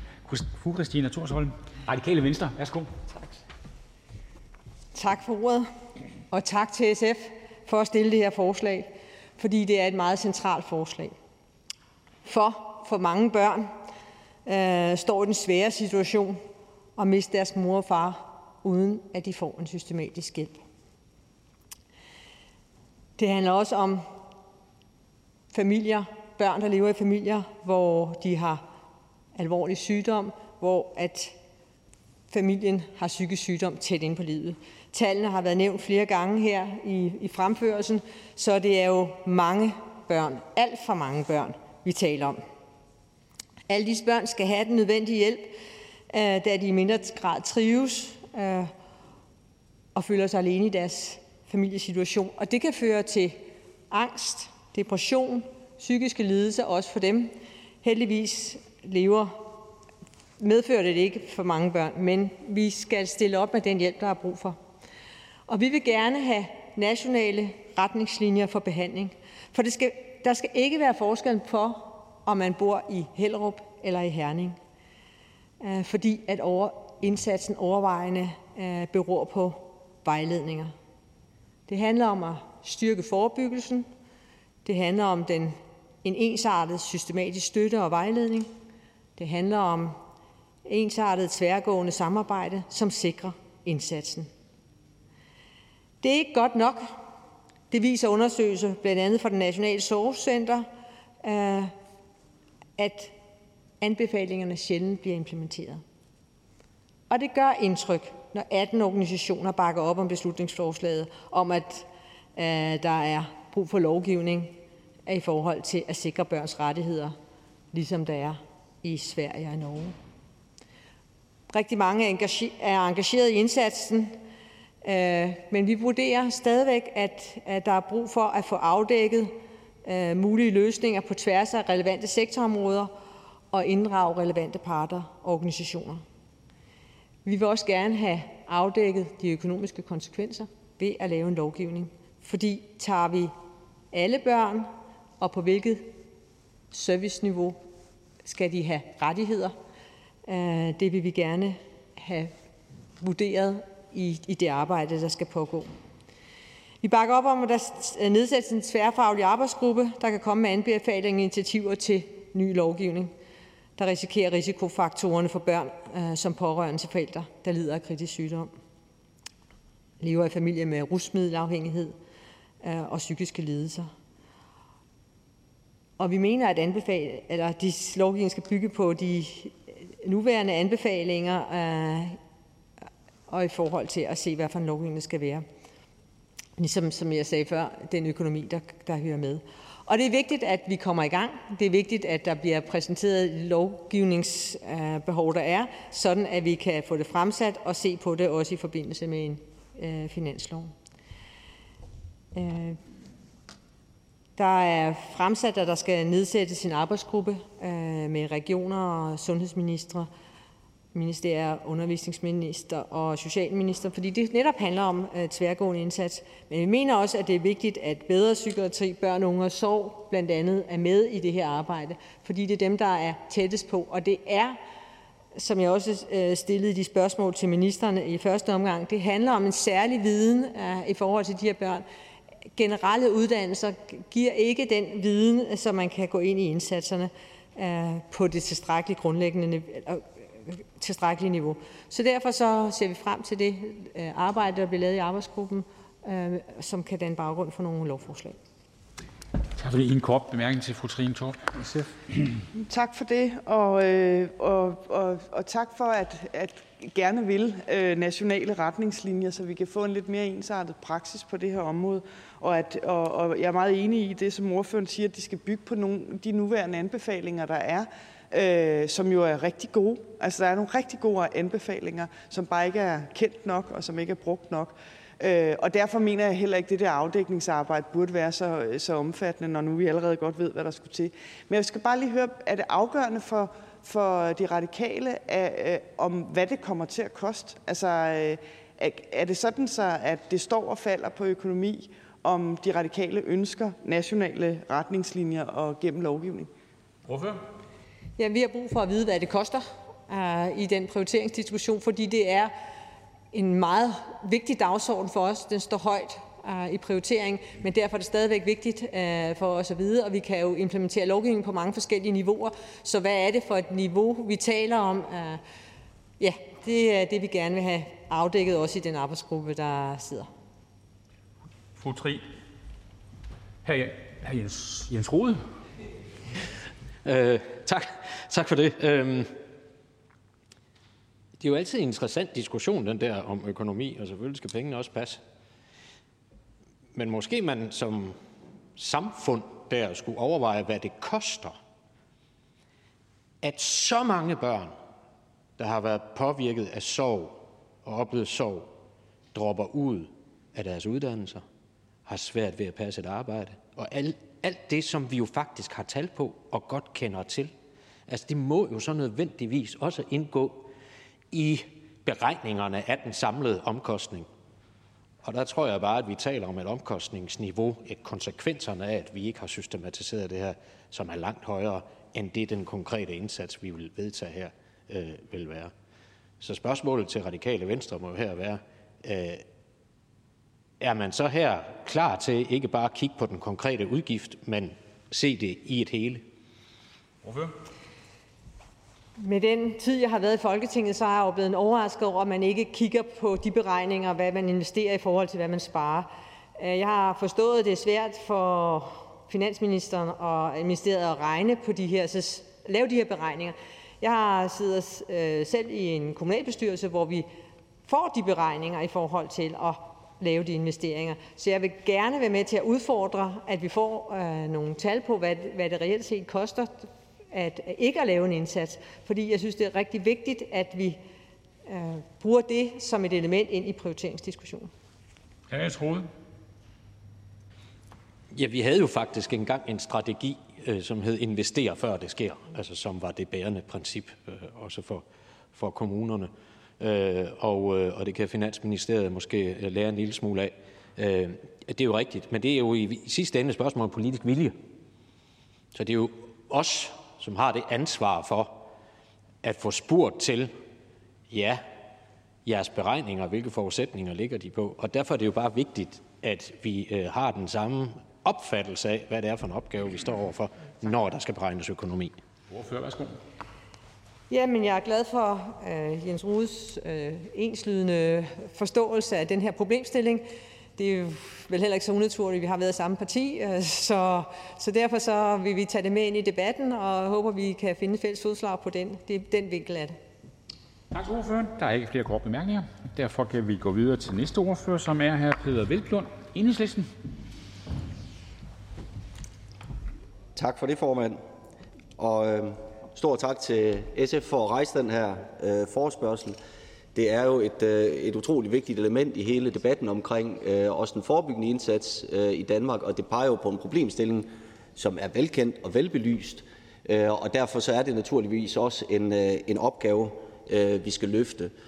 Øh, det peger også ind på hele det spørgsmål omkring øh, pårørende i det hele taget. Her der taler vi specifikt om, om børn som, på, som pårørende, og der er det jo også, som tidligere ordfører har været inde på, velbelyst, at både i forhold til til til børn, øh, som er en del af en familie, der bliver ramt af, af kritisk sygdom eller en kraftsygdom, der medfører, at man, man mister en, øh, en forælder øh, i forhold til familier med, med psykisk sygdom eller med misbrug, der, der er det en problemstilling, der er velkendt, men en, en opgave, som, øh, som ikke bliver løftet.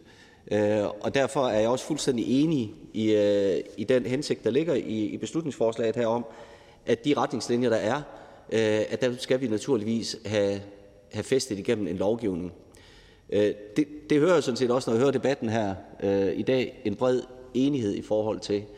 Øh, og jeg kan godt høre, hvor, hvor det bærer henad, øh, det her. Og jeg vil bare sige fra enhedslistens side, kan vi sådan set godt bakke op om det, at det her beslutningsforslag så medfører, at nu får vi en, øh, nedsat en, en arbejdsgruppe, hvor man også inddrager øh, relevante organisationer i forhold til det, Øh, at man får øh, udarbejdet et oplæg, og der har jeg ikke den store bekymring for, hvis det er rigtigt, at de kan aflevere her i medio øh, 2022, og det tror jeg godt, de kan. Og det er jo netop fordi, at det her det er jo ikke raketvidenskab, det er jo ikke ny viden, der skal suges op. Det er simpelthen et spørgsmål om, at vi bruger den øh, viden, vi allerede har, og at det så kan udmøntes i et lovforslag, øh, som kan fremsættes i, øh, i oktober måned. Det synes jeg faktisk vil være fornuftigt, og det synes jeg primært er en årsag, og det er, øh, at i forhold til det forslag her, der mangler vi jo stadigvæk at få belyst økonomien. Og det er ikke fordi, at økonomien kommer til at stille sig hindrende i vejen for øh, vores opbakning til det. Det kommer vi til at bakke op omkring. Men jeg synes, det er et udmærket princip, at når vi laver lovgivning herinde, som kan være udgiftsdrivende, øh, og det kan det her forslag, det er også derfor, der tidligere har været afsat midler i puljer, det er derfor, der er afsat midler i, øh, i finansloven, øh, Øh, men som jo kun er midlertidige midler, øh, at vi får det belyst, øh, så vi får afdækket, hvad handler det her om, så vi kan sikre, at øh, dem, vi så pålægger udgiften, også bliver kompenseret for det. Og det vil jo i det her tilfælde være enten kommuner eller regioner. Øh, hvor stort beløbet er, og hvor meget det præcist handler om, det må vi så få afdækket. Men vi skal i hvert fald sikre, at vi ikke står herinde og laver lovgivning, som pålægger nogle andre en udgift, som vi ikke finansierer. Øh, og det synes jeg sådan set er, er helt rimeligt, og det synes jeg egentlig er, er centralt, øh, når vi laver øh, arbejde herinde, øh, at vi også sikrer, at dem, vi pålægger opgaven, at de også bliver kompenseret for den udgift, de så, der så måtte følge med. Og når de retningslinjer, der er i dag, ikke bliver fuldt, en del af det kan jo være uvidenhed. Det kan lovgivningen selvfølgelig være med til at hjælpe på. Men det kan også godt ske, det er fordi, at der er nogle økonomiske omkostninger forbundet med det, eller i hvert fald nogle ressourcemæssige prioriteringer, som gør, at man nedprioriterer opgaver, der ikke er øh, lovgivningsmæssigt øh, forpligtende. Øh, og derfor så synes jeg, det er fornuftigt, at der følger øh, midler med, når vi vedtager sådan noget. Og så kan man jo i den forbindelse undre sig over, at det altid øh, altså at vi skal have den debat, når det handler om forebyggende tiltag. For jeg er slet ikke i tvivl om, at det SF også skriver i, øh, i beslutningsforslaget, at på sigt vil det her kunne tjene sig ind. Det tror jeg er helt korrekt, og det tror jeg er rigtigt. Øh, og, og det understreger bare, at når vi diskuterer de her øh, forebyggende tiltag, der er det lidt, øh, altså der er det en hemsko, at vi har øh, den økonomiske tilgang, som også er herskende i Finansministeriet, at forebyggende tiltag altid er udgiftsdrivende, fordi det er de jo ikke på sigt. Det ændrer bare ikke på, når vi vedtager det herinde, så koster en forebyggende indsats, og det skal vi bare anerkende. At den så på, på sigt kommer til at tjene sig ind, det synes jeg, vi skal prøve at se, om vi ikke kan få indarbejdet også i, i tankegangen i Finansministeriet.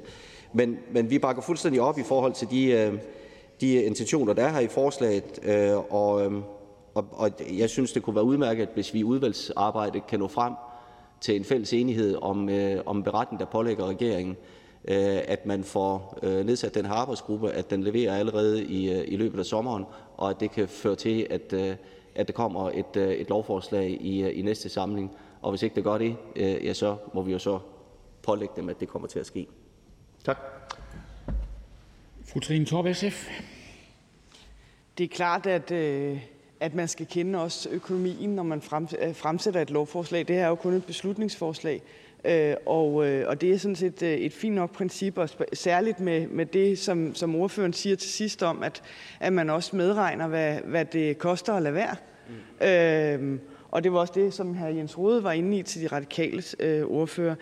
Øh, altså, jeg, sidder sådan egentlig også og tænker, øh, at det noget, vi så kan få en garanti fra enhedslisten om, at man aldrig nogensinde i den her folketingssal fra enhedslistens side stiller et beslutningsforslag, hvor man ikke præcis kender de økonomiske konsekvenser?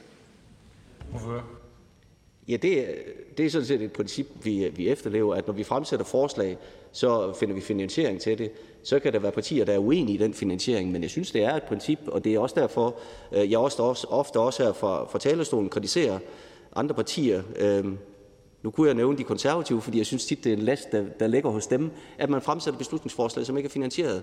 Altså, jeg synes altid, man skal pege på en finansiering, øh, når man rejser beslutningsforslag. Og, og der peger jo også en pil ind på os selv, når vi siger, hvis man skal blive i hr. Jens Rodes øh, øh billedsprog, at, øh, at vi ikke sparker den her bold i mål. Jeg anerkender, at SF har rejst det her i finanslovsforhandlingerne. Vi kunne jo have sikret, at der var, var varige midler. Vi kunne også i SSA-forhandlingerne have sikret, at vi afsat varige midler til det. Jeg synes, det er et udmærket princip, at når vi pålægger andre en udgift, at vi så også peger på, at den finansiering skal findes. Tritor? Jamen, det er jo rigtigt. Man kunne jo have bakket SF lidt mere op i finanslovsforhandlingerne, så der var blevet afsat et lidt større beløb og et mere vejet beløb. Det er jo, det er jo, det er jo fuldstændig korrekt. Øh, men men det er bare, der er jo faktisk anvist finansiering, blandt andet råderummet, som jeg, som jeg tænker, enhedslisten også nogle gange bruger som finansieringskilde til sine beslutningsforslag. Det, der er korrekt, det er, at der ikke står noget præcist beløb. Men det er, jo ikke, det er jo ikke sjældent, at beslutningsforslag ikke kender det præcise beløb, fordi vi ikke har regnemaskinerne til at regne det ud med. Hvorfor? Nej, altså jeg synes bare, det er fornuftigt, at når vi vedtager beslutningsforslag, som kan medføre en øget udgift for enten kommuner eller regioner, at vi så også kommer med pengene øh, og kan anvise og sikre, at, øh, at, øh, at finansieringen er på plads. Og, og det er det, jeg ser frem til, at det vil et, et, et arbejde i, i den her arbejdsgruppe kunne, også kunne, kunne give et bud på, hvad det handler om. Fordi det handler også om, hvad, hvad kommuner og regioner så skal kompenseres i, i økonomiforhandlingerne. Så det synes jeg bare er, er udmærket, at vi får det på plads, og så synes jeg, jeg har tilkendegivet, at det ikke er finansieringen, der stiller sig i vejen for det her. Jeg vil gerne have mere præcis bud på det. Så er det hr. Jens Rode, KDM. Ja, jeg vil godt uh, ret egentlig en generelt tak til hr. Peter Velblund for altid at komme med balancerede og savlige øh, synspunkter i debatten, hvad enten vi snakker om corona eller vi snakker om øh, det her. Det synes jeg er øh, velgørende. Øh, det klæder øh, enhedslisten øh, særdeles godt, og det klæder Folketinget generelt øh, godt. Så øh, kvittering for det. Men det følger jo, når vi øh, diskuterer det her, at øh, det udløser dut, når vi pålægger kommuner noget som helst. Og selvfølgelig skal vi jo så finde finansiering til det i, i finansloven. Men i og med, at det er et beslutningsforslag, der ligger nu, så handler det jo bare om, at vi giver hinanden tilsavn om, at det gør vi så også, når vi sætter os til forhandlingsbordet angående den næste finanslov. Altså, så er vi da i hvert fald et skridt videre, at vi alle sammen giver det tilsavn, at vi betaler de penge, det måtte koste. Så det er jo det, jeg vil høre om SF. Jeg tror, jeg kender svaret, men øh, uh, ikke SF, men enhedslisten uh, går med på. nu får vi så svaret. Værsgo. Ja, tak for det, og, og tak for, for de venlige tilkendegivelser. Øh, dem sætter jeg pris på, også når de kommer fra hr. Jens Rode. Øh, men, men det er jo klart, selvfølgelig skal, skal kommuner og regioner jo duttes for, for det, der må komme, og det må ligge i økonomiforhandlingerne. Øh, og selvfølgelig ligger der også med det her forslag, det siger fru Trine Torp jo også, at, øh, at her er der peget på rådrummet. Jeg synes bare, at det er et udmærket princip, at når vi vedtager beslutningsforslag, at vi så også kender, hvad er det for en økonomisk ramme, øh, og det kan jo også afspejle lidt, øh, hvor stor en vilje er der hos de forskellige politiske partier til at prioritere det her område. Men jeg er ikke bekymret for finansieringen. Altså, jeg tror ikke, det bliver et stort beløb, og som sagt er jeg ikke i tvivl om, at det her det er et beløb, der samfundsøkonomisk vil blive til en overskudsforretning, når vi investerer i forebyggelse. Men, men som sagt, så med de tilkendegivelser, jeg har hørt også fra, fra regeringen og i øvrigt også fra, fra Venstre i forhold til, at det her det er noget, vi skal bære igennem, så er jeg sådan set forholdsvis fortrøstningsfuld ved, at det sker, og så lad os få kvalificeret det her forslag. Hr. Jens Rode. Ja, ja. Øh, øh, det man bare ikke, man kan ikke laste SF i hvert fald for, at de ikke øh, har gjort det. Der er måske en mangel var hos os andre. Vi forsøgte i SSA-forhandlingerne at få afsat 9 millioner årligt. Øh, det kunne så blive til 2,5 øh, millioner. Og det er jo fordi, der, der er jo mange prioriteringer. Øh, og det, det skal vi jo have forståelse for. Men det er derfor, det er vigtigt, at vi herinde er enige om, at det her er, som jeg sagde til at starte med, måske et af de vigtigste beslutningsforslag i denne folketingssamling, og at vi derfor i fællesskab prioriterer det, og dermed også finansieringen. Tak for det. Ordfører, værsgo. Ja, men det er jeg fuldstændig enig i, øh, og selvfølgelig skal den her bold sparkes i mål for at blive i det billede. Altså min pointe er bare, at når vi anerkender, at der er en finansiering til det, så lad os finde den finansiering, og så lad os stå ved det, frem for at vi finder øh, nogle midlertidige midler i nogle finanslovsforhandlinger, og så bagefter siger, at de skal så i øvrigt gøres permanente gennem et beslutningsforslag. Altså lad os bare holde den saglighed i forhold til, at hvis det er økonomidrivende, så lad os finde finansiering, og lad os anerkende, at den er der, og så lad os sikre, at de midler de så også kommer ud til dem, vi pålægger den opgave her. Øh, og det synes jeg, at øh, det er det, vi skal have afklaret i det arbejde, der kommer til at forestå. Tak til jer. Ikke flere korte bemærkninger.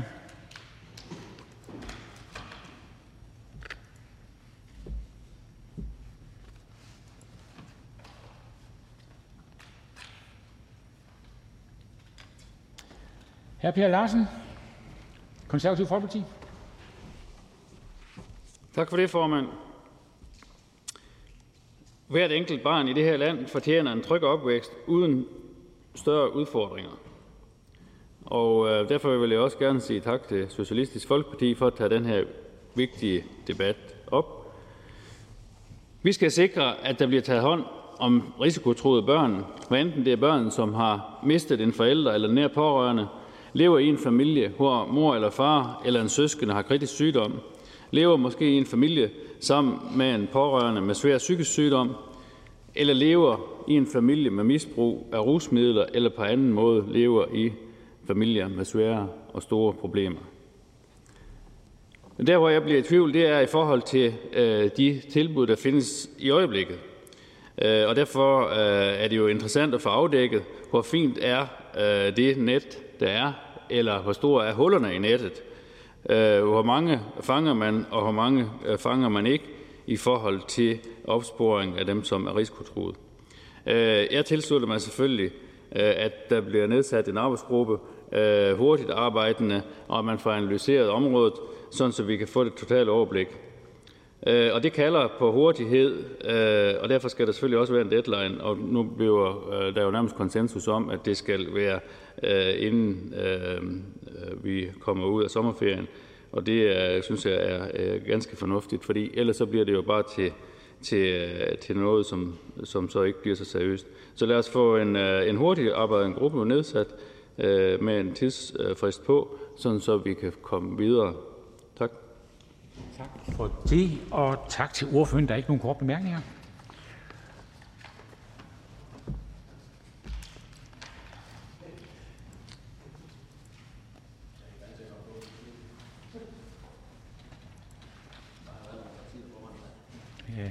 Ikke i dag. Hr. Jens Rode, KD. Tak. tak. Hey. Jeg er helt sikker på, at uh, forsamlingen her kender til uh, nogle afdøde Inger Christensens digtsamling, der hedder Det. Og, og der er, jeg, jeg, jeg kan simpelthen ikke lade være med lige at vende tilbage til uh, bare et enkelt vers, som sådan poppet op, da, da vi havde debatten her i, i starten øh, i dag. Øh, og det er tredje vers, så indledningen må I tænke jer til. Men der står her, inde i den første anstalt er der en anden. Inde i den anden er der en tredje. Inde i den tredje en fjerde, etc. anstalt. I anstalt nummer 3517 har man opbevaret alle de definitivt abnorme i anstalt nummer 1423 individer, der har sagt, at de er abnorme, at de abnorme er normale. Mand nummer 8611 har hele tiden fablet om et samfund. For enden af alle de forenede anstalter sidder der et sagkyndigt udvalg. Øh, det er det der med det sagkyndige udvalg. Dem er vi jo gode til at nedsætte, og det er der også gode argumenter for. For selvfølgelig skal vi tænke os om, når vi lovgiver. Så jeg har sådan set ikke så meget imod ministerens tale. Det er jo fint, at vi nu får sat noget deadline, og vi får sat nogle bindinger, eller retter forpligtelser op. for hinanden, for at der skal handles her. Også rent økonomisk. Og hvis vi så kan se hinanden i øjnene og sige, ja, det er så vigtigt, at det finansierer vi selvfølgelig i den næste finanslov, så er vi dog nået meget længere, end vi er, har været i de sidste 10 år, hvor det her har været diskuteret igen og igen og igen, om ikke at de anbefalinger, som vi kender og har kendt alt for længe, skal systematiseres ind i loven, således at hospitalsledelserne rent faktisk ved, hvad de skal spørge om, hvordan de skal håndtere det, og at vi også ruster vores sundhedspersonale til at håndtere det fagligt. Det er jo ikke en vær, der er i stand til på psykologisk plan at håndtere de udfordringer, som er her. Og det er derfor systematiseringen er så vigtigt øh, på sådan noget her. Jeg er jo sådan øh, grundlæggende liberal, så jeg er jo ikke normalt sådan alt for vild med institutionaliseringer. Men lige netop her tror jeg, at det vigtige er, at vi erkender, at den institutionalisering, den må til, for at vi kan løfte den her opgave.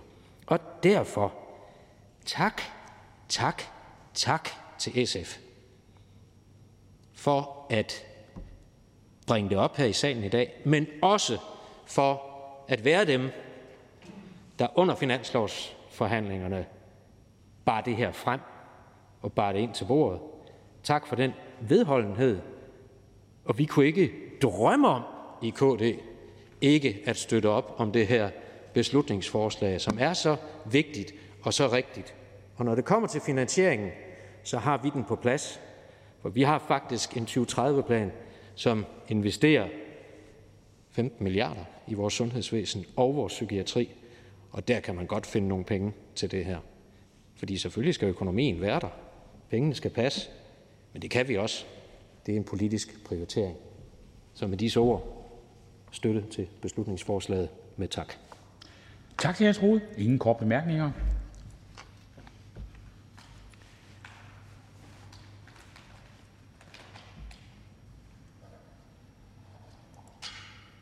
Tak for det. Ordføreren for forslagsstillerne, fru Trine Torp, SF. Tak for det.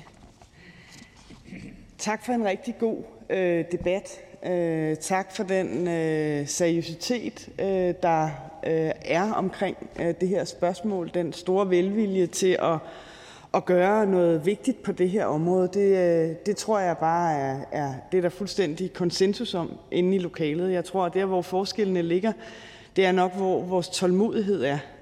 Øh, det er i hvert fald den fornemmelse, jeg, jeg får.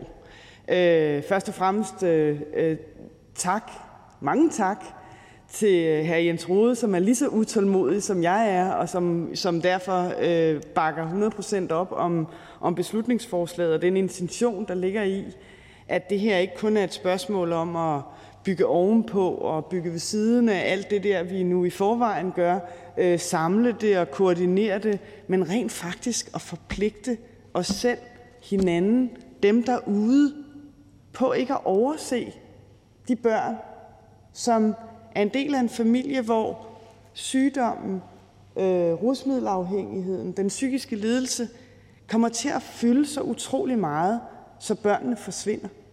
Så børnene bliver overset. Og den mest almindelige overlevelsesstrategi er jo enten at blive usynlig og ikke besværlig, fordi der er nok at gøre i den der familie, eller at blive så besværlig, så det skaber en masse problemer alle mulige øh, andre steder. Og det, der er det afgørende for, hvorfor vi stiller det her forslag, det er ikke for at underkende alle de mange gode ting, der er. Kompetencecentret, som kommer Nordjylland og Region Hovedstaden til gode, men jo ikke resten af landet. Det er heller ikke for at underkende den fine lovgivning, vi har på servicelovsområdet, som gør, at man skal lave en børnefaglig undersøgelse, hvis man er bekymret for et barns mistrivsel, eller for et barns trivsel. Men det er bare en lovgivning, som kommer for sent.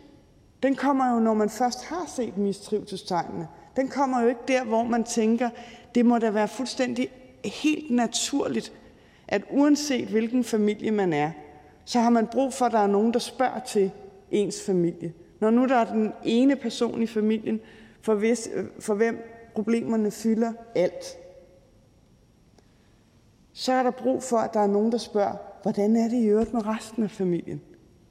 Hvordan går det med dem? Hvordan får du talt med dem om den alvorlige sygdom, du har? Den psykiske lidelse, du står midt i? Hvordan taler I om det? Har du brug for hjælp til, hvordan du kan tale om det? Det er jo på det meget, meget tidligt forebyggende niveau. Det er ikke der, hvor der skal store foranstaltninger i gang. Det er der, hvor der, det kræver, at vi har en systematik omkring det. For jeg kan godt forstå, hvis man står som en sygeplejerske på en kraftafdeling og har med meget, meget syge mennesker, voksne mennesker at gøre for eksempel, at man ikke nødvendigvis er opmærksom på de her ting, for man fokuserer jo på det, man er ansat til, ens hovedopgave, ens kerneopgave. Og det er jo ikke, fordi man ikke synes, det andet er vigtigt, men det forsvinder lidt. Og derfor har man brug for systematikken til at minde en om, hey, det er ikke bare et menneske med en sygdom, det er et menneske med relationer, med et liv uden for det her hospital, som skal fungere. Derfor er det her med at gøre det mere forpligtende. Jeg er stor fortaler for at lave gode anbefalinger, og jeg synes virkelig, at de anbefalinger, som nu er 10 år gamle, er fantastiske. Der er rigtig meget godt gods i det, og derfor mener jeg heller ikke, at springet er så langt. Det, der er problemet med, med det i dag, det er, de er ikke kendte, de anbefalinger. De er ikke brugte, og måske er de heller ikke sat ind i en, en systematik, der gør, at det er nemt at gå til. Måske er det ikke understøttet nok af nogle hjælpefunktioner, for eksempel pårørende vejleder. Nogen, som kan sige til til den, øh, den sundhedsmedarbejder, som, som står og tænker, ah, hvordan skal jeg egentlig lige tage den her samtale? Hvordan skal jeg lige snakke med dem om det? Det er jo ikke, fordi de skal være terapeuter for familien, for børnene, for noget, men de skal jo ind i den der dialog. Og det er ikke sikkert, det er så nemt, hvis det, man er vant til i dagligdagen, er at lave noget helt andet. Det er det, vi gerne vil forpligte hinanden på. Og øh, jeg vil gerne sige tak til, at, øh, at alle jo bakker op om intentionen, og jeg synes sådan set også, at øh, regeringens øh, forslag om en, øh, en, en arbejdsgruppe er fint. Det synes jeg i virkeligheden, der burde være omkring meget lovgivning. Men jeg kan bare ikke forstå, at det står i vejen for, at vi allerede nu giver hinanden håndslag på, at det her kræver lovændringer. Vi ved ikke præcis, hvordan de skal udformes. Det er jo det, som vi har gode embedsfolk ude i ministerierne til at, at udforme. Men men der er brug for lovgivning på det her område. Det er mig lidt, at vi ikke kan tage lige det ekstra skridt, fordi jeg er lidt bange for, at når man så øh, går der lige lidt tid med det der, og jeg ved godt, det bliver arbejds, arbejdsgruppen bliver hurtigt arbejdende, så kommer den med nogle anbefalinger, og så skal vi finde ud af, hvordan og hvorledes, og er der overhovedet nogen, øh, der følger op på det.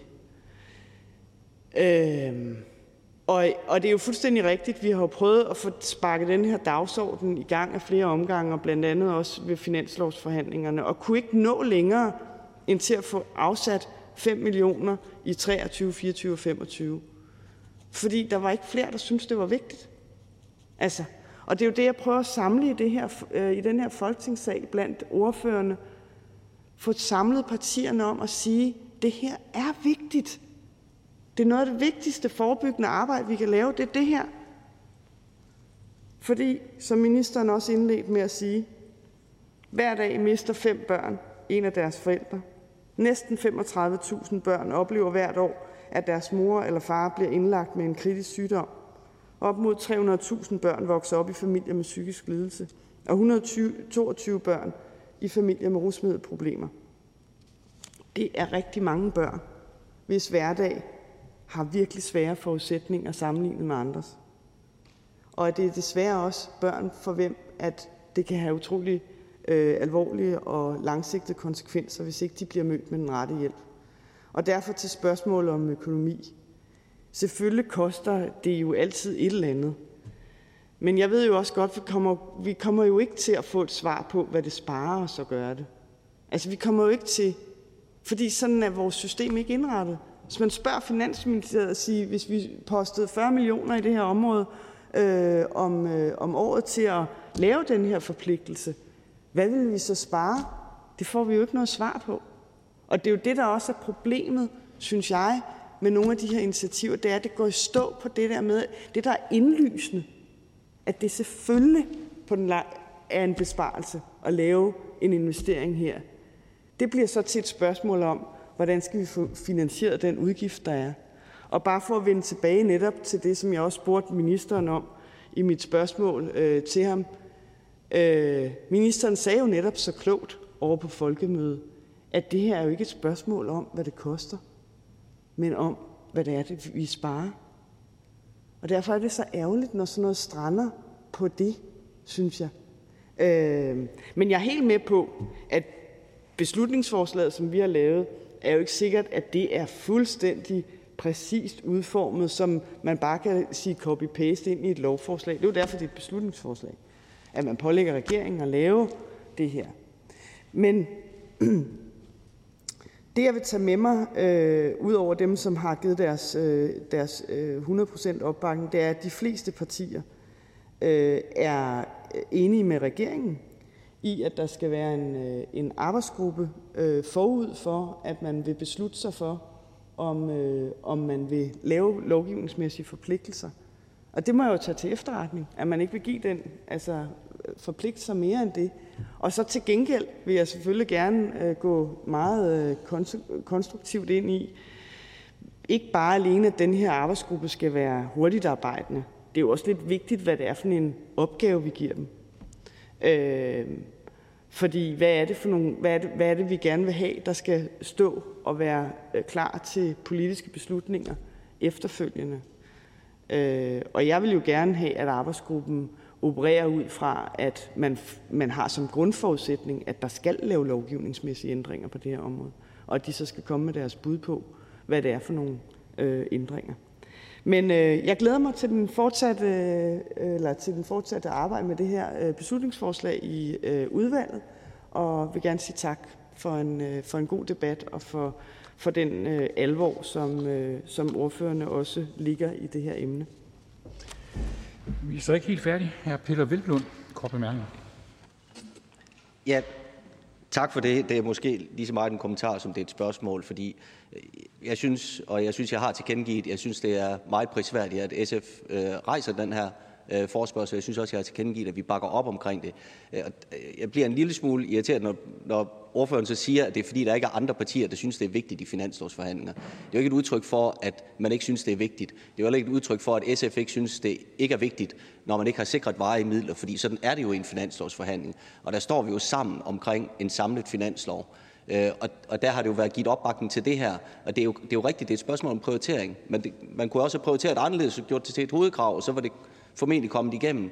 Det er den ene ting. Og så den anden ting i forhold til det med, med, med forebyggende initiativer. Jeg er fuldstændig enig i, at det her det er et spørgsmål om, hvad det koster at lade være. Og derfor er det heller ikke en begrænsning for os, at der skal komme tal fra Finansministeriet på, hvad vi hvad, hvad der må komme af, af altså, altså hvad vi tjener på at, at lave den her indsats. Det er alene et spørgsmål om, hvad er det konkret for en udgift, vi pålægger kommuner eller regioner.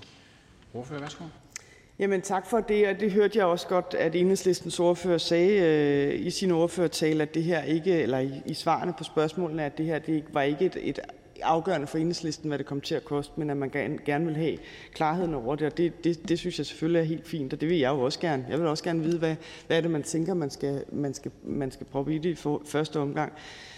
Altså, jeg synes bare, at, øh, at, at, at det blev meget... Øh, det blev bare meget tydeligt for mig, at, at det er nok hovedknasten i virkeligheden. Altså det er det her med, at man ikke har et præcist beløb. Og det, der må jeg bare sige, at jeg har set mange beslutningsforslag, også fra enhedslisten, i den her folketingssal, hvor man ikke har haft et præcist beløb på, øh, på forslaget. Øh, og det, øh, og, det, og uden, uden at, at, at jeg tænker, at, øh, at man behøver at feje, feje det af bordet på den måde. Men, men ja. Tak for det. Der er ikke flere korte bemærkninger, og derfor siger vi tak til ordføreren. Og da der ikke er flere, som har bedt om ordet, er forhandlingen sluttet, og jeg foreslår, at forslaget henvises til Sundhedsudvalget. Og hvis ingen gør indsigelse, betragter jeg det som vedtaget. Det er vedtaget. Der er ikke mere at foretage i dette møde. Folketingets næste møde afholdes tirsdag den 18. januar kl. 13. Jeg henviser til den dagsorden, der vil fremgå af Folketingets hjemmeside, og skal i øvrigt henvise til ugeplanen, der også vil fremgå af Folketingets hjemmeside. Mødet er hævet.